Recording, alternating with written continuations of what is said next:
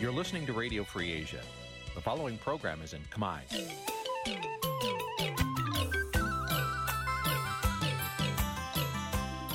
Nǐ chi càm bi tiệp xáy vệt chiu a zì sê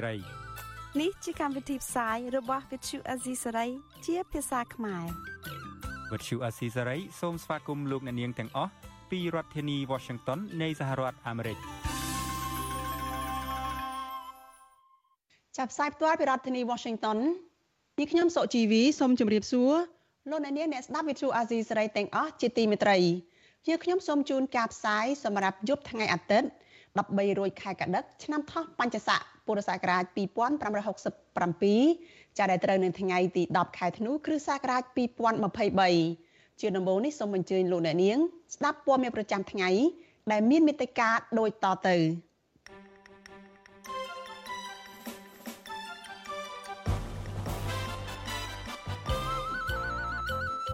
សង្គមស៊ីវិលប្រពៃទិវាសិទ្ធិមនុស្សអន្តរជាតិ10ធ្នូក្រោមប្រធានបទការធានាសេចក្តីថ្លៃថ្នូរសេរីភាពនិងយុត្តិធម៌សម្រាប់ពលរដ្ឋគ្រប់រូប100ថ្ងៃក្រោយឡើងធ្វើជានាយករដ្ឋមន្ត្រីលោកហ៊ុនម៉ាណែតក៏បានឡើងកាន់តំណែងជាអនុប្រធានគណៈបកប្រជាជនកម្ពុជាថែមទៀត។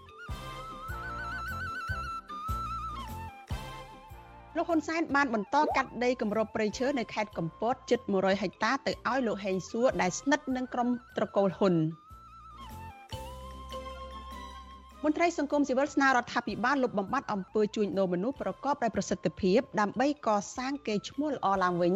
រួមនឹងព័ត៌មានសំខាន់សំខាន់មួយចំនួនទៀតចាជាបន្តទៅទៀតនេះនាងខ្ញុំសុជីវីសូមជូនព័ត៌មានទាំងនេះពឹស្ដា ចលនានាងជាទីមេត្រីក្រមយុវជននិងមន្ត្រីអង្គការសង្គមស៊ីវិលប្រមាណ3000នាក់ចាបានជួបប្រជុំគ្នាប្រពៃទិវាសិទ្ធិមនុស្សអន្តរជាតិ10ធ្នូនៅទីលានប្រជាធិបតេយ្យជាយក្រុងភ្នំពេញដើម្បីលើកកម្ពស់សិទ្ធិមនុស្សមន្ត្រីអង្គការសង្គមស៊ីវិលយល់ឃើញថារដ្ឋាភិបាលគួរតែអនុវត្តនិងគោរពសិទ្ធិមនុស្សដែលក្នុងនោះរួមមានសិទ្ធិពលរដ្ឋនិងសិទ្ធិនយោបាយផងឲ្យបានពេញលេញនិងមានតម្លាភាពដើម្បីឲ្យសង្គមទាំងមូលមានយុត្តិធម៌ ចាលោកអ្នកនាងនៅបានស្ដាប់សេចក្តីរាយការណ៍អំពីរឿងនេះនៅក្នុងការផ្សាយរបស់យើងនៅពេលបន្តិចទៀតនេះចាលោកអ្នកនាងកញ្ញាប្រិយមិត្តជាទីមេត្រីលោកអ្នកកំពុងស្ដាប់វិទ្យុអាស៊ីសេរីចាប់ផ្សាយចេញពីរដ្ឋធានី Washington សហរដ្ឋអាមេរិកចាំ100ថ្ងៃក្រោយឡើងធ្វើជានាយករដ្ឋមន្ត្រីលោកហ៊ុនម៉ាណែតបានឡើងកាន់តំណែងជាអនុប្រធានគណៈបកប្រជាជនកម្ពុជាទៀតចាប់ប៉ុន្តែមន្ត្រីគណៈបកប្រឆាំងនិងអ្នកវិភាគថាការពង្រឹងតអំណាចតពូជបែបនេះ និងធ្វើឲ្យកម្ពុជាក្លាយទៅជាកម្មសិទ្ធិដាច់មុខរបស់គ្រួសារដែលមានអំណាចហើយពលរដ្ឋនៅតែបន្តរងគ្រោះតទៅទៀត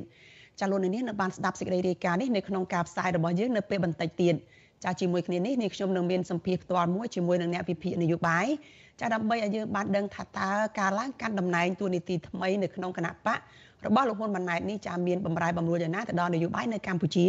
ចាសូមអញ្ជើញលោកនាងចារងចាំតាមដានស្ដាប់សេចក្តីរាយការណ៍នេះ និងកិច្ចសម្ភារនេះនៅក្នុងការផ្សាយរបស់យើងនៅពេលបន្តិចទៀតនេះចាលោកនាងកញ្ញាជាទីមេត្រីចាតកតងនឹងការកាត់ដីឧស្សាហជាតិឬក៏ដីគម្របព្រៃឈើឯនេះវិញចាមុនពេលដែលផ្ទេរតំណែងទៅឲ្យកូនប្រុសគឺលោកហ៊ុនម៉ាណែតដឹកនាំបន្តអតីតនាយករដ្ឋមន្ត្រី ចាគឺលោកហ៊ុនសែនបានកាត់ដីគម្របព្រៃឈើចាចំនួន ព្រៃឈើដែលមានឈ្មោះថា2002នៅឯខេត្តកំពត ជាង91ហិកតាដើម្បីប្រគល់ទៅឲ្យមន្ត្រីក្រសួងកាងារគឺលោកហេងសួរធ្វើជាម្ចាស់កម្មសិទ្ធិសកម្មជនបរិស្ថាននិងអង្គការសង្គមស៊ីវិលបង្ហាញការសោកស្ដាយនិងស្នើរដ្ឋាភិបាលដែលដឹកនាំដោយលោកហ៊ុនម៉ាណែតបញ្ឈប់សកម្មភាពទាំងឡាយពាក់ព័ន្ធនឹងការកាត់ដីព្រៃឈើឬក៏តំបន់ព្រៃការពារដែលជាទ្រព្យសម្បត្តិជាតិនោះបន្តទៅទៀតចាសសូមស្ដាប់សេចក្តីរាយការណ៍របស់កញ្ញាខណ្ឌលក្ខណាអំពីរឿងនេះ ក្នុងអនុក្រឹត្យចុះថ្ងៃទី9ខែសីហាឆ្នាំ2023ដែលចុះហត្ថលេខាដោយលោកហ៊ុនសែនបានកាត់ដីដានគម្របព្រៃឈើឆ្នាំ2002ចំនួន91ហិកតា 55A សង្កាត់ព្រៃថ្នោតក្រុងបូកូខេត្តកំពតដើម្បីប្រគល់ឲ្យលោកហេងសួរធ្វើជាកម្មសិទ្ធិដោយអនុក្រឹត្យនេះអនុវត្តចាប់ពីថ្ងៃចុះហត្ថលេខាតទៅ និស្សិតនៅសាកលវិទ្យាល័យភូមិន្ទភ្នំពេញនិងជាសកម្មជនការពារបរិស្ថានកញ្ញារស់ស្រីរតប្រាប់វិសុអេស៊ីសេរីនៅថ្ងៃទី10ខែធ្នូថាលោកហ៊ុនសែនជាអ្នកកាត់ដីដានគម្របព្រៃឈើក៏ដោយប៉ុន្តែកញ្ញាចង់ឲ្យរដ្ឋាភិបាលថ្មីដឹកនាំដោយលោកហ៊ុនម៉ាណែតបញ្ឈប់សកម្មភាពកាត់ដីព្រៃនិងតំបន់ការពារកន្លងមកនិងថ្ងៃខាងមុខកញ្ញាថាបើសិនជាលោកហ៊ុនម៉ាណែតមិនបញ្ឈប់សកម្មភាពទាំងនេះទេ គឺបង្ហាញឲ្យប្រជាពលរដ្ឋឃើញថារដ្ឋាភិបាល បានចូលរួមចំណែកក្នុងការបំផ្លាញធនធានធម្មជាតិនៅក្នុងប្រទេសកម្ពុជាការដែលគាត់ធ្វើអញ្ចឹងគឺដូចជាការដែលគាត់ចូលរួមក្នុងការបំផ្លាញព្រៃឈើហើយក៏រួមចំណែកទៅដល់ការដែលធ្វើឲ្យប្រជាពលរដ្ឋហ្នឹងគាត់មានការក្តៅក្រហាយទាក់ទងនឹងបញ្ហាអស់ហ្នឹងដែរហើយណាមួយការធ្វើអញ្ចឹងវាធ្វើឲ្យប្រជាពលរដ្ឋភាគច្រើនខាតប្រយោជន៍ ប្រយោជន៍រួមតាក់ទងទៅនឹងធនធានធម្មជាតិដូចជាសត្វព្រៃជាពិសេសហ្នឹងតំបន់ព្រៃដែលត្រូវបានអភិរក្សហ្នឹងត្រូវបានកាត់បន្តបន្តទៀតអញ្ចឹងសូមឲ្យរដ្ឋាភិបាលថ្មីហ្នឹងធ្វើការពិចារណាឡើងវិញនិងបញ្ឈប់រាល់សកម្មភាពណា ដែលគ្មានការយល់ស្របឬក៏គ្មានការអនុញ្ញាតពីប្រជាពលរដ្ឋទៅលើគម្រោងដែលគាត់បានព្រមព្រៀងនឹងវិសុអសីស្រីមិនអាចសុំការអធិប្បាយបញ្ហានេះ ពីរដ្ឋមន្ត្រីក្រសួងការងារនិងបណ្ដុះបណ្ដាលវិជ្ជាជីវៈលោកហេងសួរនិងអ្នកនាំពាក្យក្រសួងបរិស្ថានលោកផៃប៊ុនឈឿនបានទេ នៅថ្ងៃទី10ធ្នូដោយទូរស័ព្ទចូលគ្មានអ្នកទទួល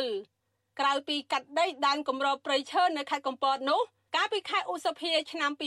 2023លោកហ៊ុនសែនបានកាត់ដីដែនគម្របព្រៃឈើឆ្នាំ2002 ក្នុងស្រុកព្រៃនប់ខេត្តព្រះសីហនុជាង70ហិកតាប្រគល់ឲ្យអង្គញារតនសម្បត្តិខណៈខែកក្កដាឆ្នាំ2023លោកហ៊ុនសែនបានកាត់ដីគម្របព្រៃឈើឆ្នាំ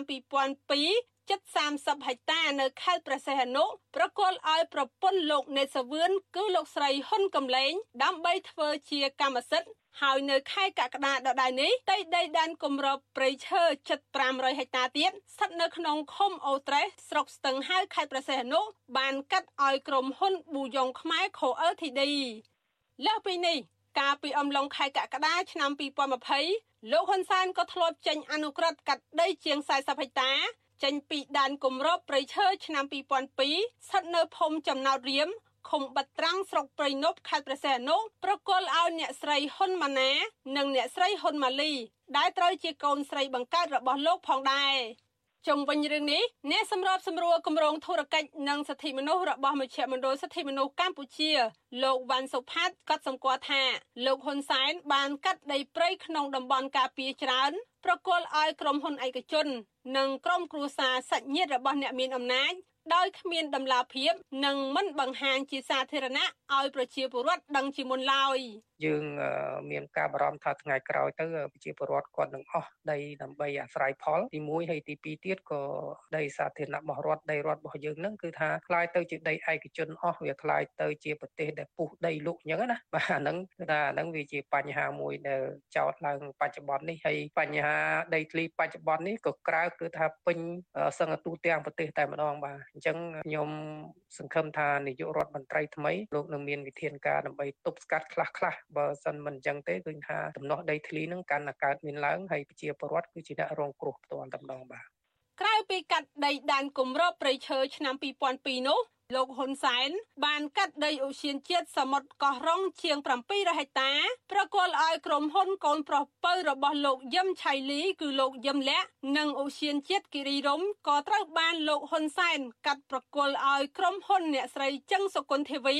ដែលស្និទ្ធនឹងគ្រួសារត្រកូលហ៊ុនដែរកាលពីពេលថ្មីៗនេះ លើសពីនេះដីព្រៃឬតំបន់ការពារដែលជាសម្បត្តិសាធារណៈរបស់រដ្ឋនៅតាមខេត្តផ្សេងផ្សេងដូចជាខេត្តកំពតកែបកំពង់ស្ពឺកោះកុងពោធិ៍សាត់និងមណ្ឌលគិរីជាដើមត្រូវបានលោកហ៊ុនសែនកាត់និងបែងចែកដើម្បីប្រគល់ឲ្យខ្សែស្រឡាយរបស់លោក និងក្រុមហ៊ុនឯកជនព្រមទាំងបពពួកក្នុងជួរគណៈបកប្រជាជនកម្ពុជាបន្តបន្ទាប់មុនពេលផ្ទេរតំណែងនាយករដ្ឋមន្ត្រីឲ្យលោកហ៊ុនម៉ាណែតបន្តវេន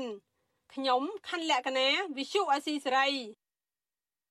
ឥឡូវបើយើងប្រៀបធៀបមើលកីឡាករមកចៅទូកប៉ុណ្ណឹងនៅមុខវាំងនៅមុខបកូនណា នៅមុខប្រជាពលរដ្ឋគ្រប់គ្នាដើម្បីឧទ្ទិសទៅដល់វីរភាពនៃកងនាវិកផងដើម្បីឧទ្ទិសប្ររពក្នុងពិធីបាតុភូតធម្មជាតិដ៏អស្ចារ្យនៃទន្លេយើងផងដែលហូរចុះហូរឡើងផងនឹងស្រាប់ទីបំផុតនឹងគ្មាននរណាយកចិត្តទុកដាក់អីប្រមាណយើងប្រើពាក្យនេះចុះកុំថាមិនយកចិត្តទុកដាក់សោះប្រហែលជាគេឲ្យលុយឲ្យកាក់អីទិញទួយណាមានមានមានមានអុកញ៉ាគាត់គាត់អីគាត់គាត់ sponsor គាត់គាត់គាត់ឧបត្ថម្ភកីឡាករឲ្យនឹងទៅមានលុយមានកាក់អីទៅប៉ុន្តែទោះបីជាយ៉ាងណាក៏ដោយបងទោះបីជាយ៉ាងណាក៏ដោយកីឡាករមិនអាចឲ្យមកយកថ្ម3ដុំអឺធ្វើមហូបខ្ទះអីដាំបាយតាមមាត់ទន្លេដាំបាយតាមមាត់ទន្លេហើយតាមមាត់ទន្លេហ្នឹងមិនមាត់ទន្លេស្អាតក៏ខ្ញុំមិននិយាយដែរបងមាត់ទន្លេហ្នឹងយើងមើលរូបថតខ្លួនឯងទៅសម្រាមគោនៅហ្នឹង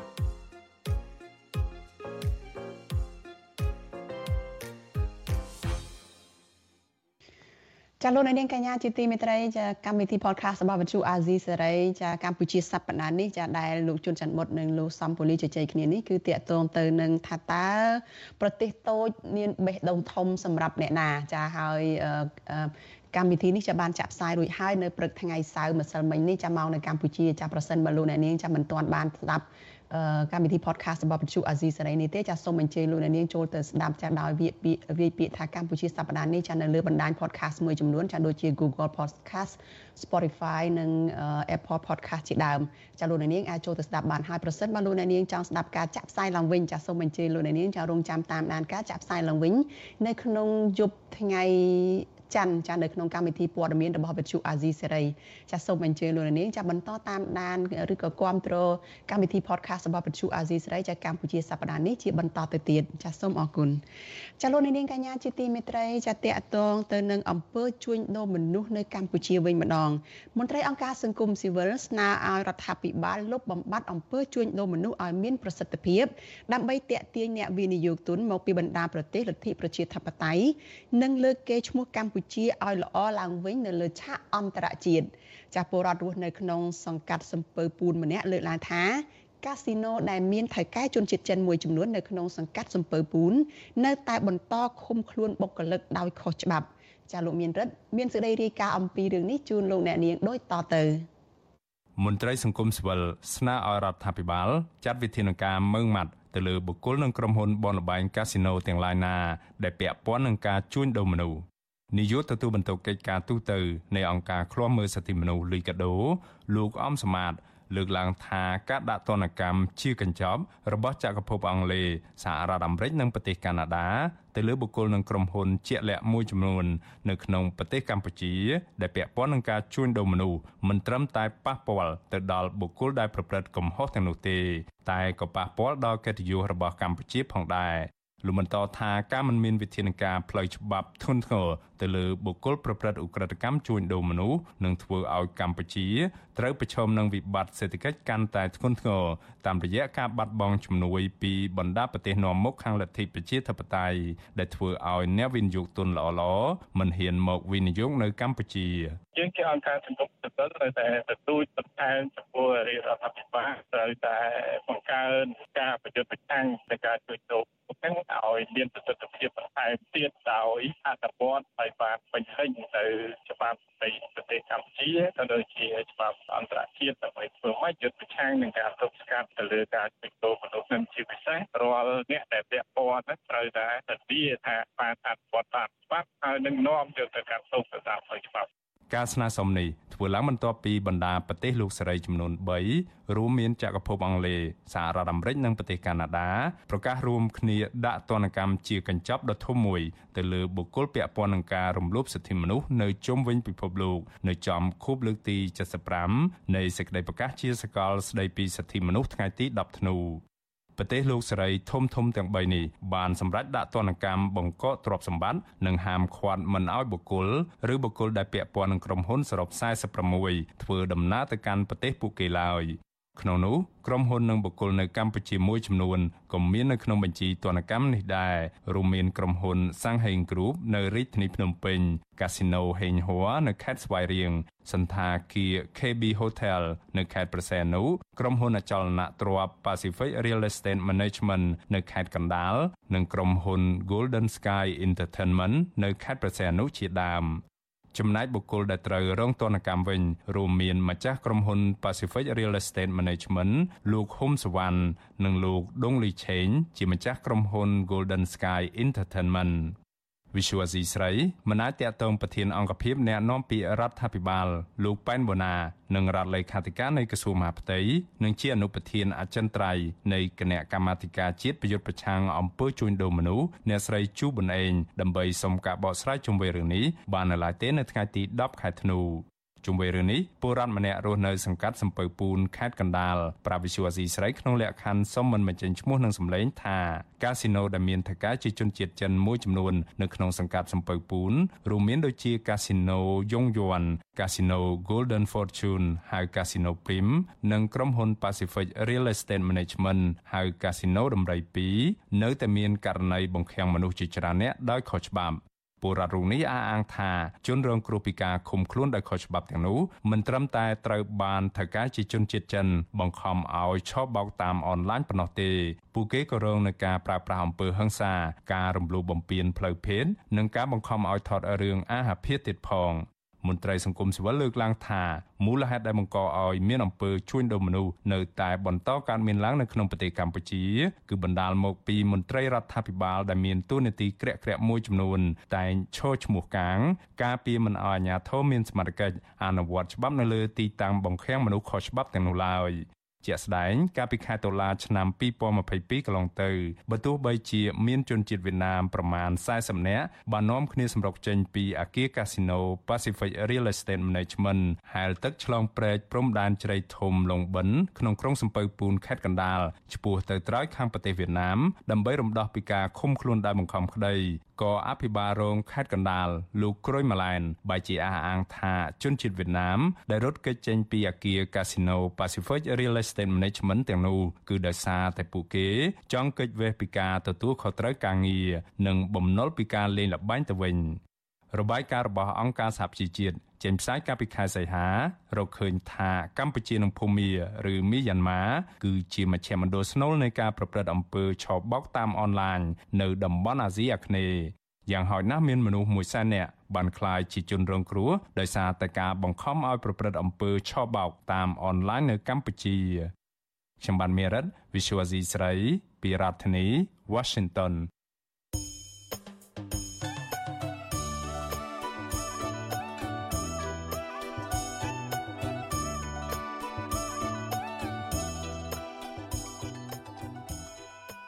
លោកនាងកញ្ញាជាទីមេត្រីចាដំណើរគ្នានឹងស្ដាប់ការផ្សាយផ្ទាល់របស់ Vithu Azizi សេរីចាតាមរយៈបណ្ដាញសង្គមមួយចំនួនចាមានដូចជា Facebook YouTube ចានិង Telegram ចាលោកនាងក៏អាចស្ដាប់ការផ្សាយរបស់ Vithu Azizi សេរីនេះចាតាមរយៈ Vithu រលកធាតុអាកាសខ្លីចា Post SW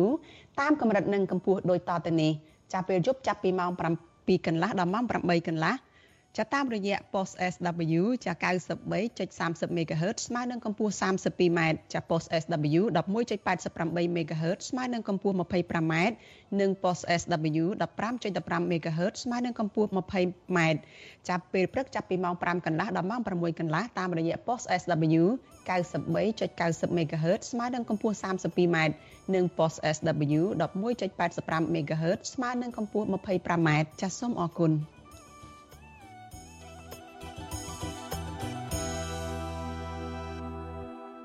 ចាលោកនាងកញ្ញាជាទីមេត្រីចានៅរយៈពេល100ថ្ងៃក្រោយដែលឡើងធ្វើជានាយករដ្ឋមន្ត្រីចាលោកហ៊ុនម៉ាណែតនៅថ្ងៃនេះក៏បានឡើងកាន់តំណែងជាអនុប្រធានគណៈបកប្រជាជនកម្ពុជាបន្ថែមទៀត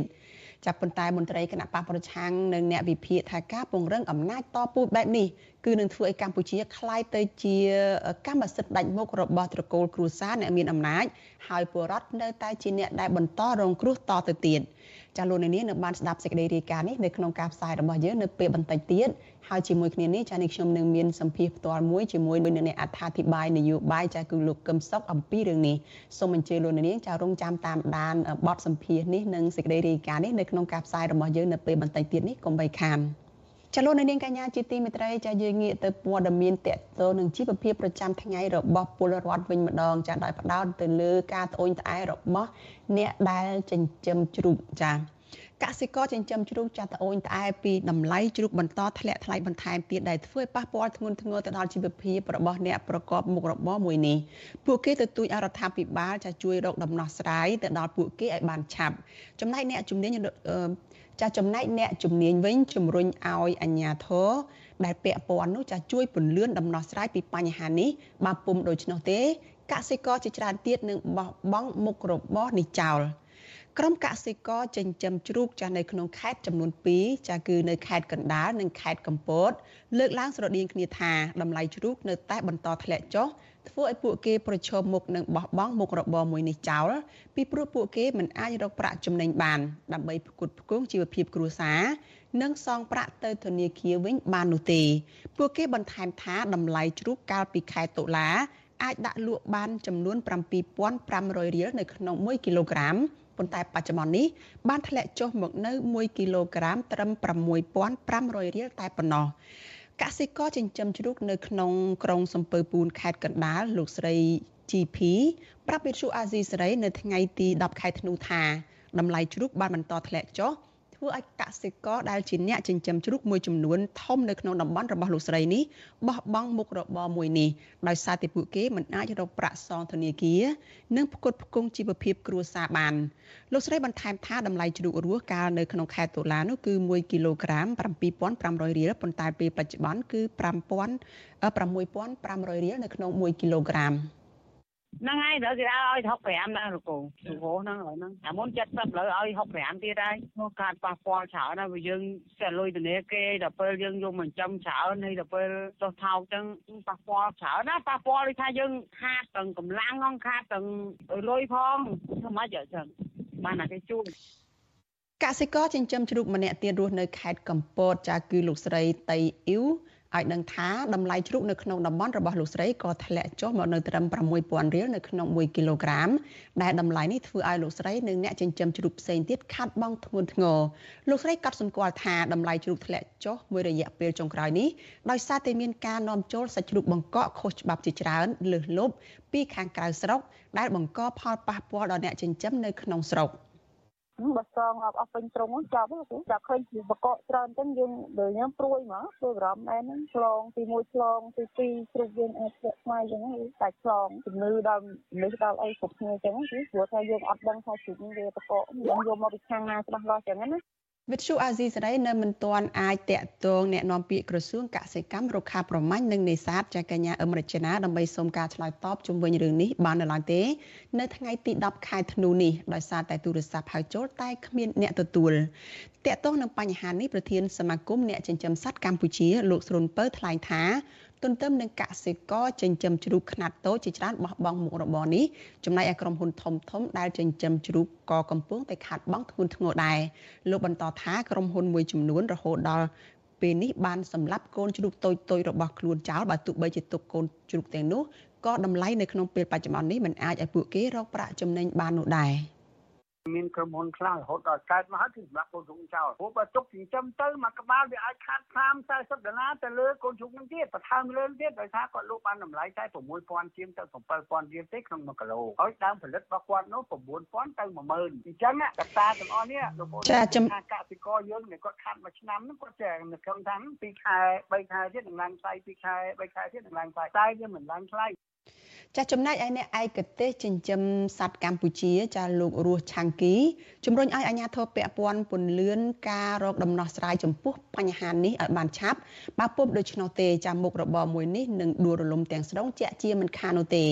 លោកបន្ថែមថាតម្លៃជ្រូកធ្លាក់ចុះនៅក្នុងតម្លៃ1គីឡូក្រាមមកនៅជាង6000រៀលនេះគឺធ្វើឲ្យអ្នកចិញ្ចឹមជ្រូកខាត់បង់ធ្ងន់ធ្ងរ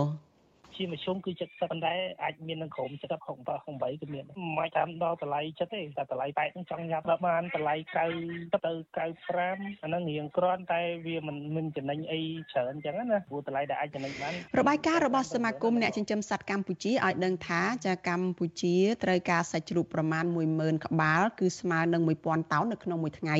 ដើម្បីផ្គត់ផ្គង់ទីផ្សារក្នុងស្រុកប៉ុន្តែដោយសារតែបច្ចុប្បន្នមានការលួចលាក់នាំចូលសាច់បង្កកពីក្រៅប្រទេសធ្វើឲ្យកសិករអ្នកចិញ្ចឹមជ្រូកនៅក្នុងស្រុកប្រមាណពី80ទៅ90%ឈប់ចិញ្ចឹមជ្រូកចំណែកក្រុមហ៊ុនធំធំវិញក៏កំពុងប្រឈមនឹងការដួលរលំឈប់ចិញ្ចឹមជ្រូកដែរចាកាលពីខែចាកាលពីថ្ងៃទី4ខែធ្នូសមត្ថកិច្ចបានរកឃើញកន្លែងស្តុកសាច់បង្កកខុសច្បាប់មួយកន្លែងដែលនាំចូលពីក្រៅប្រទេសនៅក្នុងរាជធានីភ្នំពេញដែលមានសាច់បង្កកជិត4សែនគីឡូក្រាមដែលយកមកចែកចាយនៅក្នុងទីផ្សារនៅក្នុងប្រទេសកម្ពុជា។ ដើម្បីទទួលបានរង្វាន់ Are You Podcast របស់ Visual Assisray សម្រាប់សប្តាហ៍នេះសូមប្រិយមិត្តសរសេរជាអត្ថបទកំណាព្យដែលឆ្លុះបញ្ចាំងពីការពិតនៅក្នុងសង្គមកម្ពុជាឬផ្ដល់មតិយោបល់ពីប្រធានបទល្អៗដែលប្រិយមិត្តចង់ដឹងនិងចង់ឲ្យយើងលើកយកមកពិភាក្សាសូមកុំភ្លេចបញ្ជាអាស័យដ្ឋានរបស់លោកអ្នកនាងរួចផ្ញើចម្លើយទៅកាន់អ៊ីមែលរបស់យើង contact@ofa.org នាដំណាក់កាលនេះដើម្បីរក្សាសុវត្ថិភាពយើងនឹងចែកជូនអាយុនេះដល់ប្រិយមិត្តដែលកំពុងរស់នៅក្រៅប្រទេសកម្ពុជាតែប៉ុណ្ណោះ។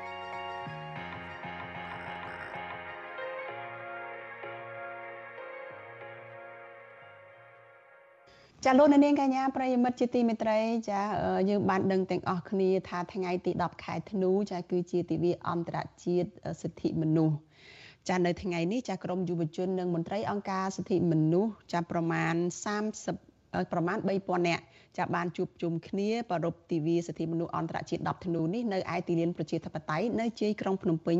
ដើម្បីលើកកម្ពស់សិទ្ធិមនុស្ស មន្ត្រីអង្គការសង្គមស៊ីវិលយល់ឃើញថារដ្ឋាភិបាលគួរតែអនុវត្តនិងគោរពសិទ្ធិមនុស្សដែលក្នុងនោះរួមមានសិទ្ធិពលរដ្ឋនិងសិទ្ធិនយោបាយផងនោះឲ្យបានពេញលេញនិងមានតម្លាភាពដើម្បីឲ្យសង្គមនេះមានយុត្តិធម៌ចាស់លោកជីវតា មានសេចក្តីរាយការណ៍អំពីរឿងនេះក្រមយុវជននិងអង្គការសមាគមចំនួន30ស្ថាប័នបានប្រពៃទិវាសិទ្ធិមនុស្សអន្តរជាតិ10ធ្នូលើកទី75ក្រមប្រធានបទធានាសេចក្តីថ្លៃថ្នូរសេរីភាព និងយុត្តិធម៌សម្រាប់ពលរដ្ឋគ្រប់រូបដើម្បីផ្ដល់ឱកាសឲ្យប្រជាពលរដ្ឋដែលរងគ្រោះដោយសារការរំលោភដីធ្លី ការរឹតបន្តឹងសិទ្ធិសេរីភាពនយោបាយនិងអ្នកដែលរងភាពអយុត្តិធម៌សង្គមមួយចំនួនទៀតអាចឡើងបញ្ចេញទុកលំបាករបស់ពួកគេ ការអបអរទិវាសិទ្ធិមនុស្សអន្តរជាតិ10ធ្នូនេះ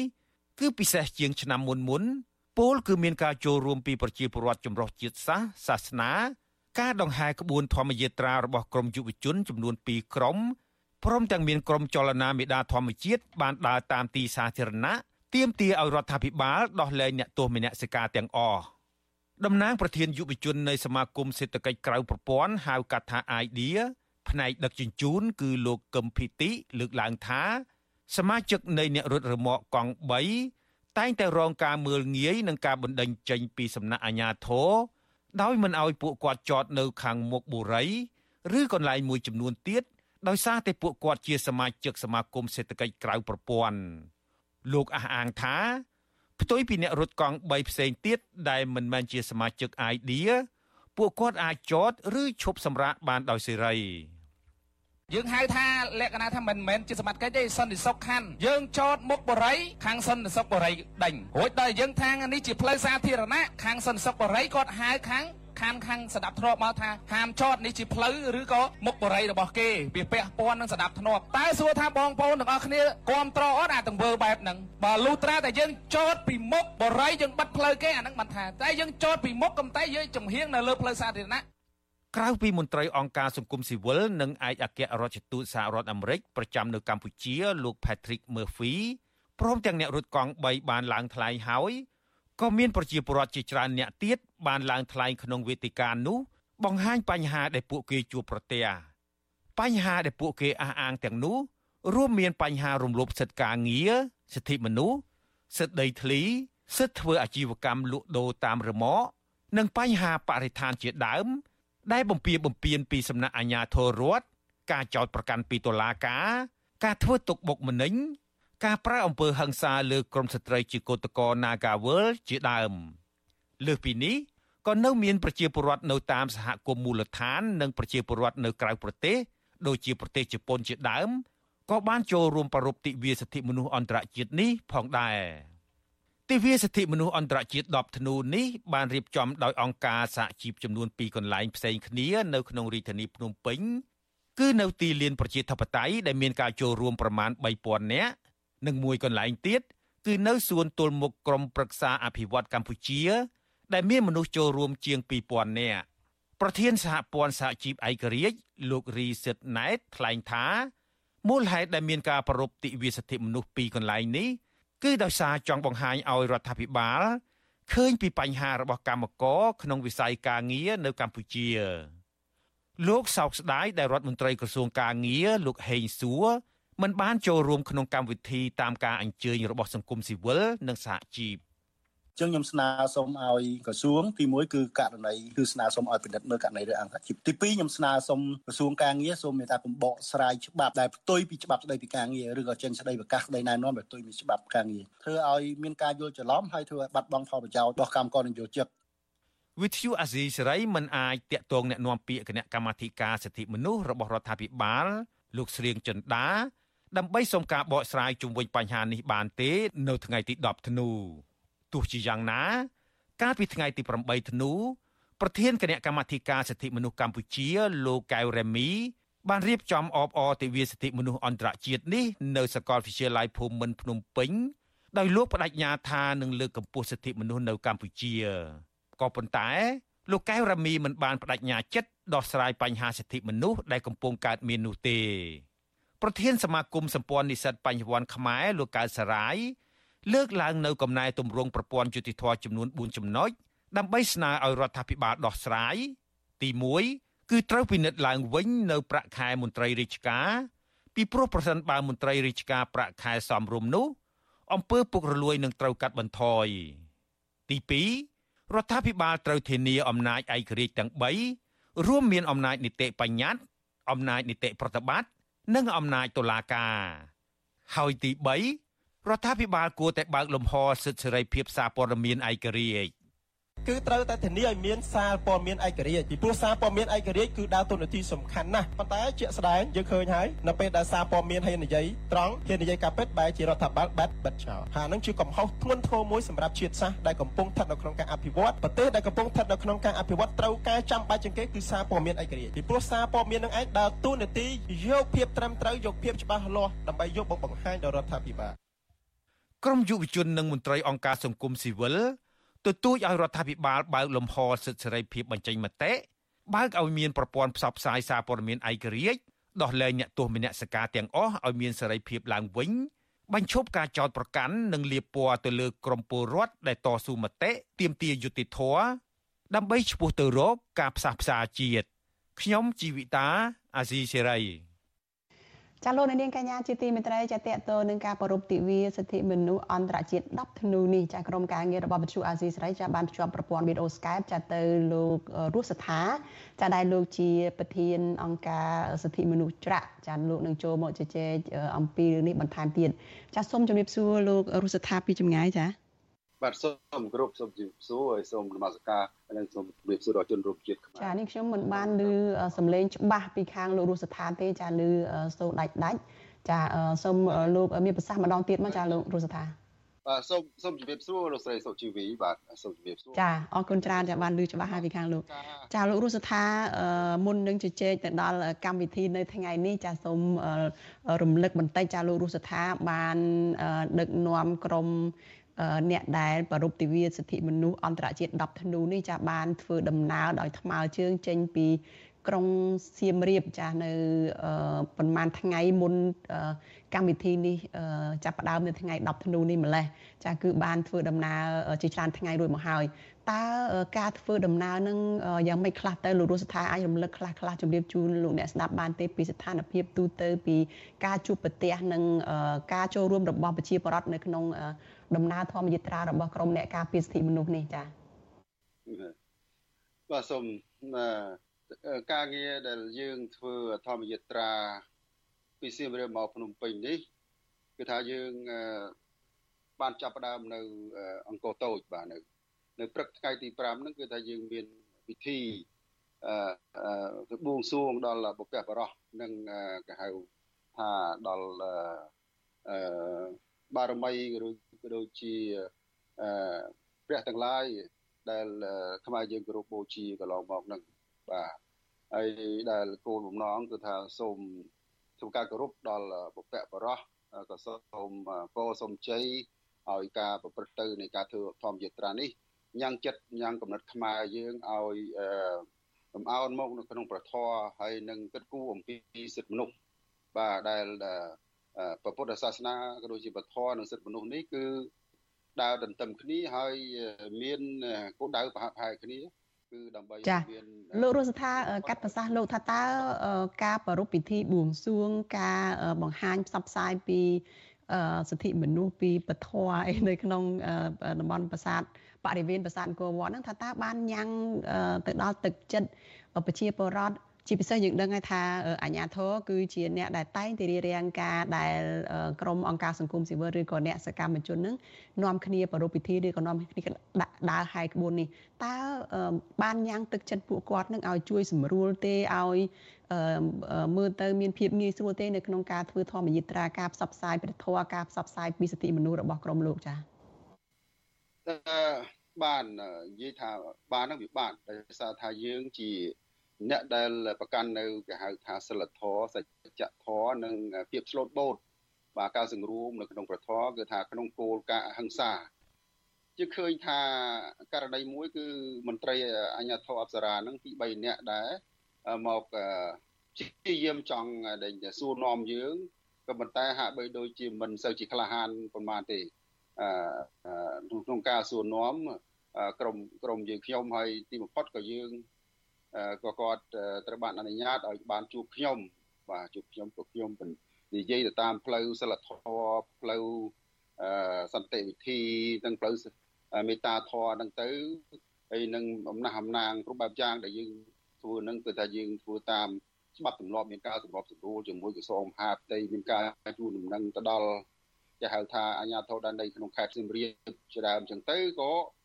គាត់មិនហ៊ាននៃចំទាស់អីជាមួយយើងទេដោយសារថាយើង មានអំណាចសិលធម៌មានអំណាចវិជ្ជាជីវៈបាទហើយមានឧត្តមភាពផ្នែកផ្លូវច្បាប់ផងដែរហើយអញ្ចឹងគាត់តែមានតែអង្វរថាឲ្យបានឆាប់ចប់ទៅក្នុងកម្មវិធីក្នុងទីរោងខេត្តសៀមរាបនឹងក្នុងក្នុងអង្គរទៅដើម្បីក្រែងទៅថាមានការគេថាព្រួយបារម្ភឬការប៉ះពាល់ទៅដល់ទេសចរជាដើមអញ្ចឹងក៏យើង តាំងពីដើមទីគឺយើងធ្វើដោយសន្តិវិធីហើយដោយរបៀបរបបហើយយើងធ្វើពិធីបួងសួងនោះក៏មិនបានធ្វើនៅក្នុងកាត់បាំងផ្លូវអីទេសចរយើងធ្វើនៅក្នុងទីវាលស្មៅក្រណៅឈើធំឯនេះទេនៅខាងត្បូងអង្គរវត្តជាងខាងជាងខាងលិចនេះទេអញ្ចឹងទៅมันមានអីធ្វើឲ្យមានការប៉ះពាល់អញ្ចឹងទៅដូចថាយើងបង្កើតឲ្យមានស្ថានភាពមួយមិនឲ្យមានហេតុផលណាមួយ មកឲ្យគេផ្ដល់យោបល់ណែនាំយើងទេព្រោះតែយើងជាមនុស្សមានការអប់រំមួយដែរយើងស្គាល់អំពីច្បាប់ស្គាល់ពីសិលធម៌យើងអាចយល់ដឹងពីពុទ្ធសាសនាហើយយើងសិទ្ធិមនុស្សអញ្ចឹងច្បាប់ទម្លាប់អីមានរបបអញ្ចឹងគឺថាចឹងទៅអាញាធិបតេយ្យដូចជាមិនមានលេសណាមួយដើម្បីធ្វើបាបពួកយើងទេហើយការដើរដល់ថ្ងៃទី6ចាប់ផ្ដើមពីប្រាសាទព្រះព្រះអង្គជ័យព្រះអង្គចោមឬក៏ សួនព្រះអង្គជ័យព្រះអង្គចោមនោះមកក៏มันមានឃើញសញ្ញានេះអាញាធរណាមករៀបរៀងយើងទេបាទហើយប៉ុន្តែដល់យើងដើរបានប្រហែលជាតាម6គីឡូចេញពីព្រះអង្គជ័យព្រះអង្គចោមនោះមកស្រាប់តែឃើញលេចចេញមានអាញាធរចេញមកជាយាមរៀបរៀងពួកយើងបាទការជារាមជាយាមរៀបរៀងនោះដោយសារខ្ញុំនៅបន្ទាប់ពីប្រសងដឹកនាំក្បាលធម្មយាត្រាហ្នឹងក៏អឺ ខ្ញុំក្រុមការងារមិនឲ្យគេរំខានដល់ខ្ញុំទេនឹងនឹងប្រសងហ្នឹងទេឲ្យតែចេះតែដើរទៅមុខទៅធ្វើធម្មយាត្រាទៅមុខទៅ ដើម្បីផ្សព្វផ្សាយនៅមេត្តាធម៌និងផ្សព្វផ្សាយសារសិទ្ធិមនុស្សរបស់យើងដែលយើងមានបានកាន់និងហែតាមផ្លូវហ្នឹងបាទហើយអញ្ចឹងទៅក៏ប៉ុន្តែនៅពីក្រោយយើងខ្ញុំខ្ញុំបានដឹងដល់អារម្មណ៍មួយថាដល់អង្កេតឃើញថាក្រៅពីការសូត្រធម៌និងផ្សាយមេត្តាធម៌ ហើយនឹងជូនពរជ័យផ្សព្វផ្សាយមេត្តាជូនពរជ័យដល់អឺជំនាញជនទាំងឡាយនៅតាមដងផ្លូវហ្នឹងក៏អាចដឹងថានៅខាងក្រោយហ្នឹងមាន មានការប្រតិបត្តិគ្នាបាទជាយាមចរចាជាយាមសួរហើយអឺពួកខ្ញុំត្រូវបានការពារដោយដោយក្រមការងាររបស់យើងព្រោះថាយើងអត់មានអីខុសច្បាប់យើងបញ្ជាបញ្ហាហ្នឹងបានដល់2 3គីឡូទៀតបាទ តែប៉ុន្តែដល់ដល់2 3គីឡូហ្នឹងវាដល់ម៉ោងឆានល្មមបាទអញ្ចឹងក៏ថាយើងមិនបានទៅថាឈប់អីទេក៏ប៉ុន្តែដោយថាថាដល់ម៉ោងឆានហើយឲ្យយើងស្រួលឲ្យគាត់បានជួបយើងខ្លះទៅអញ្ចឹងណាអាញាធរដូចជាព្យាយាមខ្លះប៉ុន្តែមិនមែនថាមកអីចាប់បដាទាញចេញអីអត់ទេឬក៏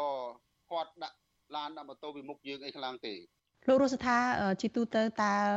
មានការវាយតម្លៃយ៉ាងម៉េចចាស់នៅក្នុងការប្រពៃទិវាសិទ្ធិមនុស្សនៅថ្ងៃនេះឃើញថាមានម្នាក់ដែលចូលរួមនឹងគឺមានចំនួនច្រើនដល់ទៅ3000នាក់ឯណោះថាតើអ្វីខ្លះដែលជាក្តីបារម្ភអ្វីខ្លះទៅដែលជាការដែលជាលទ្ធផលនៃការប្រពៃទិវានៅថ្ងៃនេះចា៎បាទយើងយើងនិយាយពីលទ្ធផលវិញគឺថាវាមានធំធំដែរបាទ លទ្ធផលទី1ក្នុងចំណោមប្រជាពលរដ្ឋក្នុងចំណោមអ្នកចូលរួមគឺលោកបានយល់អំពីខ្លឹមសារសិទ្ធិមនុស្សបាទដែលយើងបានធ្វើសន្ទរកថាយើងបានធ្វើការរំលឹកផ្សព្វផ្សាយនឹងព្រមទាំងវិន័យផងគឺថាជាអ្វីដែលជាសន្ទរកថានិងសារផ្សព្វផ្សាយទាំងអស់ហ្នឹងគឺថាបានធ្វើឲ្យប្រជាពលរដ្ឋនឹងកាន់តែយល់អំពីសិទ្ធិមនុស្សច្បាស់លាស់បាទហើយហើយពួក គាត់ខ្លះក៏សិទ្ធិជាអ្នកគេថាអ្នកការពារសិទ្ធិមនុស្សផងដែរហើយជាអ្នកឆ្លងកាត់នៅគេហៅថាការតស៊ូមតិឬការផ្សព្វផ្សាយសិទ្ធិមនុស្សឬក៏ឆ្លងកាត់នៅប្រព័ន្ធគេថាយុទ្ធធននៅក្នុងប្រទេសកម្ពុជាចឹងធ្វើការយើងអប់រំផ្សព្វផ្សាយវាត្រូវនឹងតម្រូវការរបស់គាត់ហើយនឹងអាចងាយងាយយល់អញ្ចឹងទៅបញ្ហាមួយចំនួននៅថាពាក់ព័ន្ធនឹងសិទ្ធិសេរីភាពនឹងដែលគាត់មិនដឹងនឹងគាត់បានដឹងកាន់តែច្បាស់ហើយមានភាពកក់ក្ដៅ ទៅលើអ្វីដែលគាត់បានកសាងបានទទួលមកធ្វើឲ្យរូបកាយរបស់គាត់ចិត្តរបស់គាត់កាន់តែរឹងមាំបាទក្នុងការអនុវត្តសិទ្ធិសេរីភាពយើងឃើញថាប្រជាបរតឡើងក្នុងការបញ្ចេញមតិពាក់ព័ន្ធនឹងជញ្ជិញយុតិធម៌ហ្នឹងគឺតែធ្វើឡើងដោយមានការភ័យខ្លាចទេអឺពិសេសគឺថាពាក្យច្រើននោះជាស្ត្រីទៅទៀតផងហើយប៉ុន្តែការនិយាយស្ដីនេះក្នុងគោលការណ៍ជាគេថាស្ថាបនាទេដើម្បីជាទៀតចូលដល់ ដល់រដ្ឋាភិបាលក្នុងការពិនិត្យមើលលទ្ធភាពឬក៏បង្កើនចន្ទបង្កើននៅថាប្រសិទ្ធភាពក្នុងការធ្វើការកែតម្រង់ប្រព័ន្ធយុតិធម៌នៅកម្ពុជាហើយ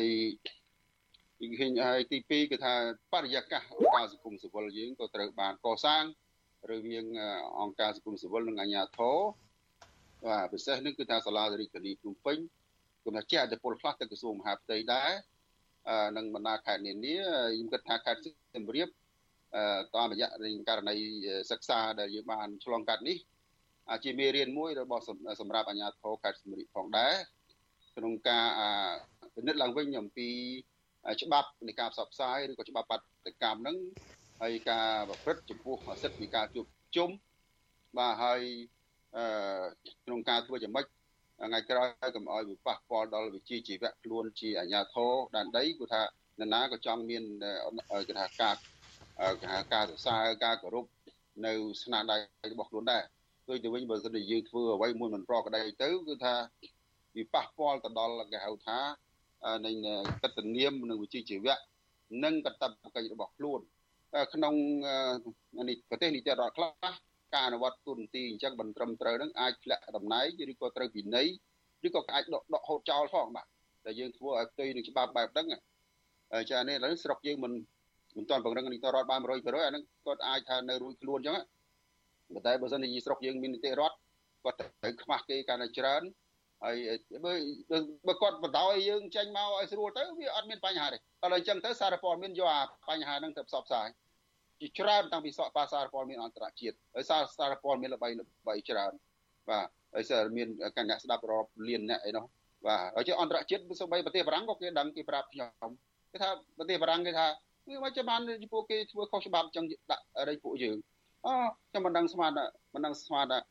ប្រទេសបារាំងគេមិនបានស្ដាប់អីដែរទូតបារាំងគេស្ដាប់អីអញ្ចឹងអញ្ចឹងខ្ញុំគិតថាប្រទេសផ្សេងផ្សេងទៀតក្នុងសកលលោកក៏តាមដានរឿងហ្នឹងដែរបាទព្រោះសារព័ត៌មានខ្លះគេពិសេសជាភាសាអង់គ្លេសបាទ ដូច្នេះវាវាមិនជារឿងល្អសម្រាប់ពួកគាត់ដែលធ្វើអញ្ចឹងទេបាទហើយអានេះហើយទោះបីតែមានបញ្ហាខ្លះខ្លះបន្តិចបន្តួចឥឡូវយើងនិយាយទៅតិចបន្តួចចុះព្រោះគាត់ក៏អង្វរចរចាមួយយើងដែរក៏ប៉ុន្តែជាទូទៅយើងថាភាកច្រើនកំពុងធំសៀមរាបភ្នំពេញយើងចាប់ដៃធ្វើគ្នាធ្វើការជាមួយអាជ្ញាធរយ៉ាងរលូនហើយយើងគិតថាពីមុនមកយើងមិនបាមិនអាចធ្វើការជួបជុំត្រង់ត្រីធំចឹងបានទេ ប៉ុន្តែពេលនេះយើងអាចជួបជុំរហូតដល់3000នាក់ណា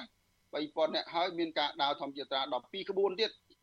ហើយមិនថែពេលនឹងទៀតមានក្រុមផ្សេងផ្សេងគេធ្វើពិធីនឹងទៀតប៉ុន្តែហេតុអីបានតែចាលោកអនុញ្ញាតឲ្យធ្វើលោករស់សថាចាកាត់ប្រសាសន៍លោកថាតើអ្វីទៅជាក្តីសង្ឃឹមរបស់ឬក៏អ្វីដែលជាការចង់បានរបស់អ្នកសិទ្ធិមនុស្សចា យើងដឹងថាឆ្នាំ2023នៅសល់តែប្រហែលថ្ងៃទៀតទេនឹងបិទបញ្ចប់ហើយដូច្នេះយើងនឹងចូលទៅដល់ឆ្នាំថ្មីហើយឆ្នាំ2024តើក្រមអ្នកការពារសិទ្ធិមនុស្សចាប្រជាពលរដ្ឋនឹងចង់បានឃើញអ្វីដែលជាអតិភិបធំបំផុតចានៅក្នុងឆ្នាំ2024ឲ្យមានការកែប្រែដើម្បីឲ្យស្ថានភាពនៅល្អប្រសើរឡើងវិញចាសម្រាប់យើងអនាគតក្នុងឆ្នាំ2024អឺខ្ញុំគិតខ្ញុំយើងខ្ញុំសង្ឃឹមថាលំហសេរី ភាពបញ្ចេញមតិពិសេសគឺការជួបជុំនេះត្រូវបានបើកឲ្យបានទូលាយថែមទៀតឲ្យបានពេញលេញគឺថាយើងនឹងព្យាយាមធ្វើការជាមួយអាជ្ញាធរដើម្បីឲ្យការនិយាយស្ដីឲ្យការជួបជុំនេះคล้ายជាទម្លាប់ធម្មតាអឺរបស់ប្រជាជាតិខ្មែរបាទហើយយើងនឹងពិនិត្យមើលលទ្ធភាពផ្សេងៗទៀតក្នុងការតស៊ូមតិឲ្យពង្រឹងនៅតាមដានគេថាការកែតម្រង់ប្រព័ន្ធយុតិធធននេះអឺឲ្យរដ្ឋាភិបាលលោកគេថា ធ្វើម៉េចឲ្យមានផែនការច្បាស់លាស់ឲ្យឲ្យស្បីស្ដីសុបិនឬក៏ផែនការរបស់លោកដែលក្នុងចង់ដែលកែតម្រង់ប្រព័ន្ធយុតិធធននេះគឺថាត្រូវបានធ្វើពិតប្រកបបាទហើយនិយាយទៅបើយើងគ្មានពេលនិយាយច្រើនយើងចង់និយាយពីរឿងប្រព័ន្ធយុតិធធននេះសំខាន់ណាស់ដែលត្រូវធ្វើឲ្យជាក់ច្បាស់ហើយលើកដឹងហើយថាបើតាមរយៈគេហៅការផ្ដល់យោបល់ត្រឡប់របស់ប្រជាជនប្រមាណអ្នកដែលដែលធ្វើការដែលទាញជិញ ហើយនឹងផ្ដល់មតិនឹងគឺថាយើងឃើញថាភាគច្រើនសង្កទាំងអស់ហ្នឹងតែម្ដងគឺទៅថាគាត់មានកង្វល់ពីគឺថាភាពមិនឯករាជ្យរបស់គេថាថាតឡាការគឺតឡាការនឹងគឺចង់និយាយថាចេះសរុបទៅថាមិនមិនតអាចផ្ដល់យុទ្ធធម៌ជារៀបជារៀបបានល្អប្រសើរទេដូច្នេះហើយជាកម្មវត្ថុមួយឲ្យអាជ្ញាធរនឹងគឺថាសិក្សាថែមទៀតអានេះជាមតិយោបល់4 10នាក់20នាក់អីឬក៏ ថាតំណាងឲ្យ3ពួកនឹងអ្នកនឹងទៅចោះក៏ប៉ុន្តែអឺលោកត្រូវសិក្សាទៀតតើបើលោកលោកសង្ឃាយថាយុទ្ធធរហើយអញ្ចឹងតើប្រជាជនផ្សេងទៀតនៅក្នុងប្រទេសហ្នឹងគឺមានយោបល់យ៉ាងម៉េចពាក់ព័ន្ធនឹងប្រព័ន្ធយុទ្ធធរនេះដើម្បីឲ្យមានព័ត៌មានច្បាស់លាស់ឲ្យលោកជាជាមូលដ្ឋានឲ្យលោកធ្វើការកែកែទម្រង់ប្រព័ន្ធយុទ្ធធរហើយប្រព័ន្ធយុទ្ធធម៌នេះបើសិនជាយើងមិនកែទេវាប៉ះពាល់ដល់សិទ្ធិសេរីភាពផ្សេងផ្សេងជាច្រើនទៀតដូចជាសេរីភាពក្នុងការចេញមតិសេរីភាពជួបជុំអឺហើយ សេរីភាពក្នុងការចូលរួមក្នុងកិច្ចការសេដ្ឋកិច្ចសង្គមជាដើមកិច្ចការនយោបាយបាទឬក៏សេចក្តីសុខផ្លូវចិត្តឬក៏គេហៅថាអឺការសិទ្ធិក្នុងការទទួលបាននៅការគ្រប់គ្រងថែរក្សាទ្រព្យសម្បត្តិអីអីហ្នឹងក៏វាវាប៉ះពាល់ដែរបើកាលណាទៅអីជំងឺផ្លូវចិត្តអីអីច្រើនណាស់ហើយការបែកបាក់ក្នុងសង្គមជាតិដូចអាដាមសខេងសម្ដេចសខេងក៏លោកធ្លាប់មានប្រសាសន៍ដែរ គឺថាកាលណាស្រុកមួយមិនមានគេហៅថាយុត្តិធម៌គឺធ្វើឲ្យសង្គមបែកបាក់បាទអញ្ចឹងគឺថាសរុបមកវិញគឺថាគឺថាធ្វើឲ្យប្រជាប្រដ្ឋមិនមិនអាចក្លាហានមានក្នុងការចូលរួមចំណែកក្នុងការអភិវឌ្ឍប្រទេសជាតិបាទចាអរគុណច្រើនចាលោករស់សថាចាដែលបានផ្ដល់សម្ភារនៅយុគនេះចាហើយយើងនឹងតាមដានការងាររបស់ក្រមអ្នកសិទ្ធិមនុស្សនេះជាបន្តទៅទៀតចា សូមអរគុណច្រើនលោកដែលបានផ្ដល់សម្ភារនៅយុគនេះចាជូនពរលោកសុខភាពល្អចាជំរាបលាលោកត្រឹមប៉ុណ្ណេះសិនចាបាទអរគុណច្រើនបាទសូមជំរាបលាចាលោកនាងកញ្ញាជាទីមេត្រីចាព័ត៌មានតកតងនឹងការឡើងកាន់តំណែងជាអនុប្រធានគណៈបកប្រជាជនកម្ពុជារបស់លោកហ៊ុនម៉ាណែតវិញម្ដងចាំ100ថ្ងៃក្រោយឡើងធ្វើជានាយករដ្ឋមន្ត្រី លោកហ៊ុនម៉ាណែតក៏បានឡើងកាន់តំណែងជាអនុប្រធានគណៈបកប្រជាជនកម្ពុជាបន្ថែមទៀតចាមន្ត្រីគណៈបកប្រជាជននិងអ្នកវិភាគថាការពង្រឹងអំណាចតពូជបែបនេះចាធ្វើឲ្យកម្ពុជាក្លាយទៅជាកម្មសិទ្ធិផ្ដាច់មុខរបស់គ្រួសាររបស់អ្នកកាន់អំណាចហើយពលរដ្ឋនៅតែបន្តរងគ្រោះតទៅទៀតចាតកតនៅរឿងនេះចានេះខ្ញុំនឹងសម្ភាសផ្ទាល់ជាមួយនឹងលោកកឹមសុខចាដើម្បីឲ្យលោកបានមកជជែកបន្ថែមពីការយល់ឃើញរបស់លោកចាតកតទៅនឹងការឡើងកាន់តំណែងថ្មីរបស់លោកហ៊ុនម៉ាណែតនេះចាសូមជម្រាបសួរលោកកឹមសុខពីចម្ងាយចា បាទខ្ញុំលឺខ្ញុំលឺឲ្យឃើញរូបចាលោកកឹមសុខចាយើងទៅលើសម៉ោងបន្តិចហើយនៅថ្ងៃនេះចាដោយសារតែយើងមានសម្ភារជាមួយនឹងអ្នកប្រពៃទិវាសិទ្ធិមនុស្សអន្តរជាតិផងហើយក៏ទុកឲ្យលោកកឹមសុខនឹងចាំយូរហើយដែរចាលោកកឹមសុខតើលោកមើលឃើញយ៉ាងណាចំពោះការឡើងកាន់តំណែងថ្មីរបស់ហ៊ុនម៉ាណែតនេះចានៅពេលដែល យើងដឹងថាគណៈបកប្រជាជនកម្ពុជាអញ្ចឹងមានមានអនុប្រធានគណៈបកហ្នឹងជាច្រើនរូបរួចមកហើយចាហើយឥឡូវនេះក៏យើងឃើញថាបន្ថែមលោកហ៊ុនម៉ាណែតមួយរូបទៀតនៅស្របពេលដែលគណៈបកប្រជាជនកម្ពុជានៅថ្ងៃនេះហ្នឹងក៏បានបន្ថែមសមាជិកគណៈកម្មការអចិន្ត្រៃយ៍23នាក់ចាបន្ថែមទៅលើអឺគណៈកម្មការអចិន្ត្រៃយ៍ដែលគណៈកម្មការកណ្ដាលចាប្រមាណជិត500នាក់ហ្នឹងក៏បានដាក់បន្ថែមដែរនឹងចាសូមអញ្ជើញលោកកឹមសុខចា ខ្ញុំមើលទៅវាវិវត្តដល់ការដឹកនាំតាមគោលការណ៍ដូចកូរ៉េខាងជើងអញ្ចឹងកូរ៉េខាងជើងឪពុកជាមគ្គុទេស ជាអ្នកនាំផ្លូវហើយកូនគឺជាអ្នកប្រតិបត្តិគឹមចំអ៊ុនឥឡូវគាត់ណែនាំកូនស្រីរបស់គាត់ហើយចំណែកឯលោកហ៊ុនសែននៅប្រទេសកម្ពុជាគាត់កំពុងតែធ្វើជាមគ្គុទេសបញ្ជាអំណាចហើយកូនប្រុសរបស់គាត់កំពុងតែប្រតិបត្តិទាំងនៅក្នុងផ្ទៃក្នុងបក ទាំងនៅក្នុងផ្ទៃក្នុងជាតិក្នុងនាមជានាយករដ្ឋមន្ត្រីហើយបើនិយាយអំពីយុទ្ធសាស្ត្រវិញ មកដល់ពេលនេះខ្ញុំមើលឃើញថាការលើកតំណែងជាអនុប្រធានគណៈបកប្រជាជនឲ្យហ៊ុនម៉ាណែតនេះវាមិនខុសអំពីយុទ្ធសាស្ត្ររបស់ប៉ុលពតទេប៉ុលពតដំបូងកំចាត់គូប្រជែងកំចាត់អ្នកសាធារណរដ្ឋនិយម កំចាត់អ្នកសីហនុនិយម ហើយចុងក្រោយ គឺកំចាត់ផ្ទៃក្នុងខ្លួនឯងផ្ទៃក្នុងខ្លួនឯងដែលជាក្បាលម៉ាស៊ីនដឹកនាំសំខាន់សំខាន់ជាង20នាក់ហ្នឹងពលពតកំចាត់រហូតដល់នៅមិនដល់5នាក់ផងនិងចុងក្រោយបំផុតគឺនៅតែឯងនឹងដួលរលំតែម្ដងចំណែកឯហ៊ុនសែនក្រុមគ្រួសារហ៊ុនកំពុងតែអនុវត្តសេណារីយ៉ូហ្នឹងពីព្រោះយើងឃើញហើយគឺជាការបំពេញលើអនុប្រធានចាស់ចាស់ដូចជា លោកសខេងលោកទាបាញ់លោកស្រីម៉ែនសំអនលោកសៃឈុំហើយអ្នកទាំងអស់ហ្នឹងខ្ញុំតាមដានមើលទៅស្ទើរតែស្រក់ឈាមទៅហើយនៅពេលដែលលោកហ៊ុនសែនលើកលោកហ៊ុនម៉ាណែតឲ្យធ្វើជាអនុប្រធានគណៈបកស្មើនឹងពួកគាត់ចំណុចសំខាន់មួយទៀតគឺមិនត្រឹមតែលើកលោកហ៊ុនម៉ាណែតឲ្យធ្វើជាអនុប្រធានទេនៅក្នុងគណៈកម្មាធិការចិនត្រៃរបស់គណៈបកប្រជាជនកម្ពុជានឹងគឺ ចាប់បញ្ជ្រាបមនុស្សរបស់លោកហ៊ុនសែននិងក្រុមគ្រួសារហ៊ុនទៅក្នុងនោះដូចជាកើតរិទ្ធអោមយិនទៀងលីយ៉ុងផាត់ហ៊ុនម៉ាណីដែលជាកូនរបស់លោកហ៊ុនសែននិងចុងក្រោយស្មានមិនដល់គឺសូម្បីតែប្រធានអង្គរៈគឺលោកហ៊ីងប៊ុនហៀងក៏ក្លាយទៅជាសមាជិកគណៈកម្មាធិការចន្ទ្រៃដែរចំណុចមួយដែលគួរឲ្យចាប់អារម្មណ៍មួយទៀតគឺវាជាជោគជ័យនៃរបៀបវិរៈរបស់លោកហ៊ុនសែនទាំងស្រុង ពីព្រោះលោកហ៊ុនសែនបានផ្លាស់គណៈកម្មាធិការហិរញ្ញវត្ថុរបស់គណៈបកប្រជាជនកម្ពុជាចាស់ចាស់នឹងចេញទាំងអស់ហើយបដូរដាក់អ្នកថ្មីដែលជាមនុស្សរបស់លោកហ៊ុនសែនឧទាហរណ៍ប្រធាននឹងគឺលោកលីយ៉ុងផាត់មនុស្សរបស់លោកហ៊ុនសែន100%មនុស្សរបស់ក្រុមគ្រួសារហ៊ុនហើយខ្ញុំឃើញឈ្មោះលោកសេងទៀងដែលគ្រាន់តែជាអ្នកដើរកាន់សបុត តាមលោកហ៊ុនសែនក៏ជាសមាជិកក្នុងគណៈកម្មាធិការហិរញ្ញវត្ថុនឹងដែរបើនិយាយឲ្យចំតាមរយៈមហាសន្និបាតនេះលោកហ៊ុនសែនលើកកូនប្រុសរបស់គាត់ឲ្យគៀកនឹងក្បាលម៉ាស៊ីនដឹកនាំមែនទែនហើយក្នុងគណៈកម្មាធិការអចិន្ត្រៃយ៍ដែលជាគណៈកម្មាធិការសម្រាប់ចិត្តក៏ជាមនុស្សភាគច្រើនរបស់លោកហ៊ុនសែនជាពិសេសមនុស្សដែលមានទួនាទីនៅក្នុងជួរកងទ័ពនិងហិរញ្ញវត្ថុ ចំណែកឯគណៈកម្មាធិការហិរញ្ញវត្ថុរបស់បកក៏ជាមនុស្សរបស់លោកហ៊ុនសែន100%ជាកញ្ចប់តែម្ដងចាលោកកឹមសុខតកតនឹងទូនីតិថ្មីរបស់លោកហ៊ុនម៉ាណែតនេះចាអ្នកនាំពាក្យ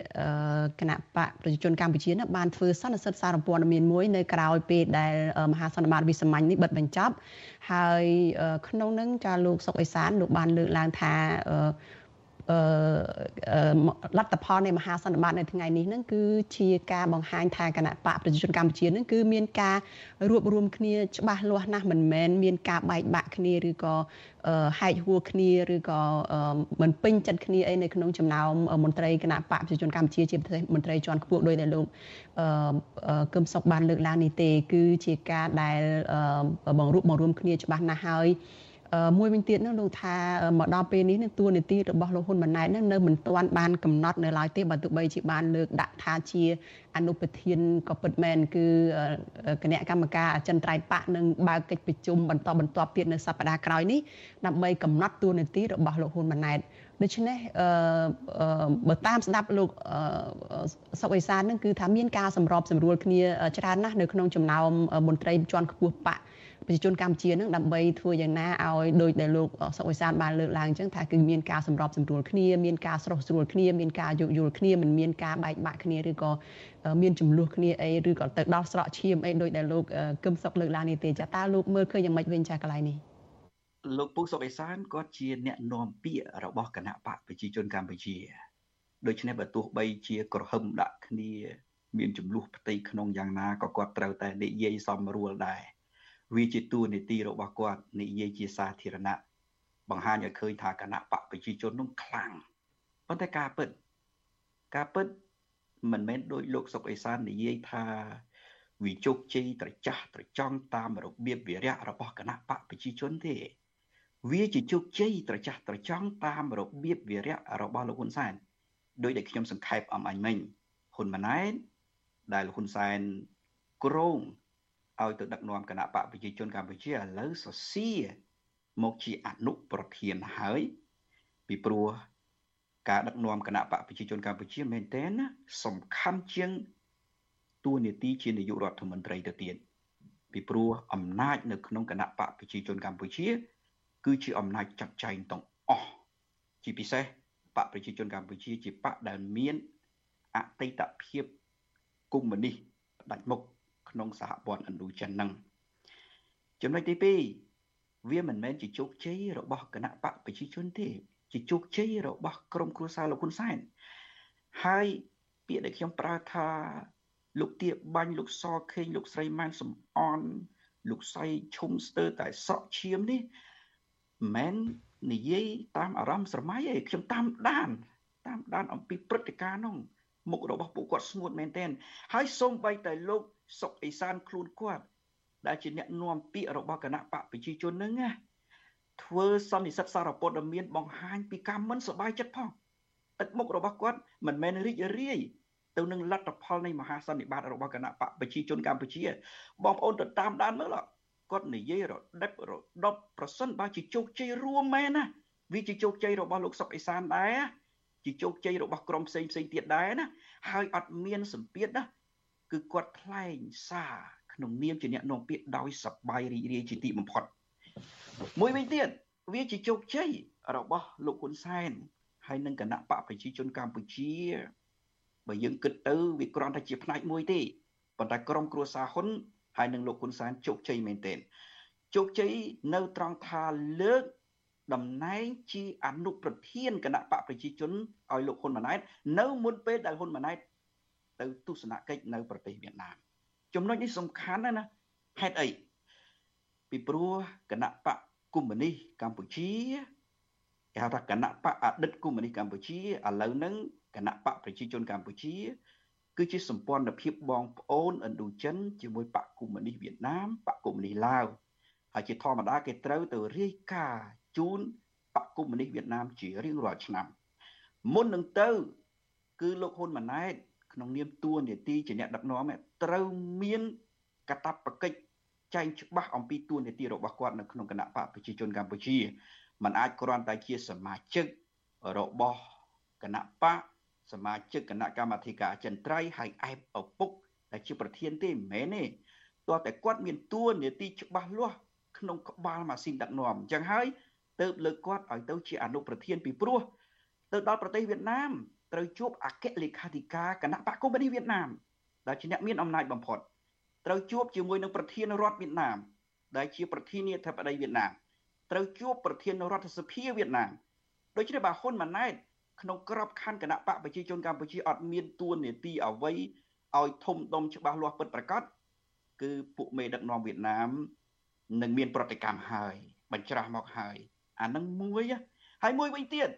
គឺជាពេលវេលាជោគជ័យបំផុតរបស់លោកហ៊ុនសែននិងក្រុមគ្រួសារហ៊ុននៅត្រង់ថាជាឱកាសដែលហ៊ុនម៉ាណែតទៅប្រាប់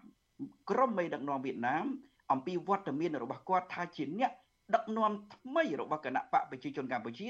ដែលនៅតែបំរើមនោគមវិជ្ជានិងមហិច្ឆតាឥណ្ឌូចិនរបស់វៀតណាមដដែលគឺគាត់ជាអ្នកបន្តវេន គាត់ទៅបង្ហាញវត្តមានថ្មីក្នុងទួនាទីជាក្បាលម៉ាស៊ីនដឹកនាំរបស់គណៈបកប្រជាជនកម្ពុជាជនអ្នកផ្សេងទៀតអត់មានទេអ្នកផ្សេងទៀតដែលគួរណាស់តែជាអនុប្រធានដែរដូចជាលោកដូចជាកូនលោកសខេងកូនលោកទាបាញ់ជាដើមអត់មានត្រូវគេបញ្ចូលទៅក្នុងតំណែងជាអនុប្រធានគណៈបកប្រជាជនឡើយម្ល៉េះហើយវាខុសពីលោកសុកអេសាននិយាយវាជាជោគជ័យរបស់លោកហ៊ុនសែននិងក្រុមគ្រួសារហ៊ុនវាមិនមែនជាជោគជ័យ របស់គណៈបកប្រជាជនកម្ពុជានោះទេចាលោកកឹមសុខអ្វីដែលលោកកឹមសុខបានលើកឡើងហើយបើយើងមើលពីការដាក់បញ្ចូលសមាជិកថ្មីទៅក្នុងតួនាទីជាន់ខ្ពស់នៅក្នុងគណៈបកនេះចាតើលោកកឹមសុខយើងអាចនិយាយបានថាយ៉ាងម៉េចដែរទេតកតងទៅនឹងគណៈបកនេះតើតើនៅតែជាគណៈបកប្រជាជនកម្ពុជាសម្រាប់មនុស្សគ្រប់ គ្នាដែលបានចូលរួមបង្កបង្កើតបកនេះទេឬក៏ឥឡូវនេះคล้ายទៅជាគណៈបកត្រកូលហ៊ុនបាត់ទៅហើយហើយមួយវិញទៀតនឹងថាតើទៅមុខទៀតនឹងគឺលោកហ៊ុនម៉ាណែតនឹងហើយគឺជាប្រធានគណៈបកប្រជាជនកម្ពុជាពិតប្រកបហើយមិនមានអ្នកណាផ្សេងដែលជាមន្ត្រីចាស់ចាស់មានលោកសាយឈុំមានលោកសខេកអីនឹងអាចធ្វើជាប្រធានដែរទេឬក៏យ៉ាងណាចាលោកកឹមសុខលោកហ៊ុនសែនគាត់ត្រូវរូតរះលើកកូនគាត់ ឲ្យធ្វើជាអនុប្រធានបន្ទាប់មកធ្វើជាប្រធានគណៈបកប្រជាជនកម្ពុជា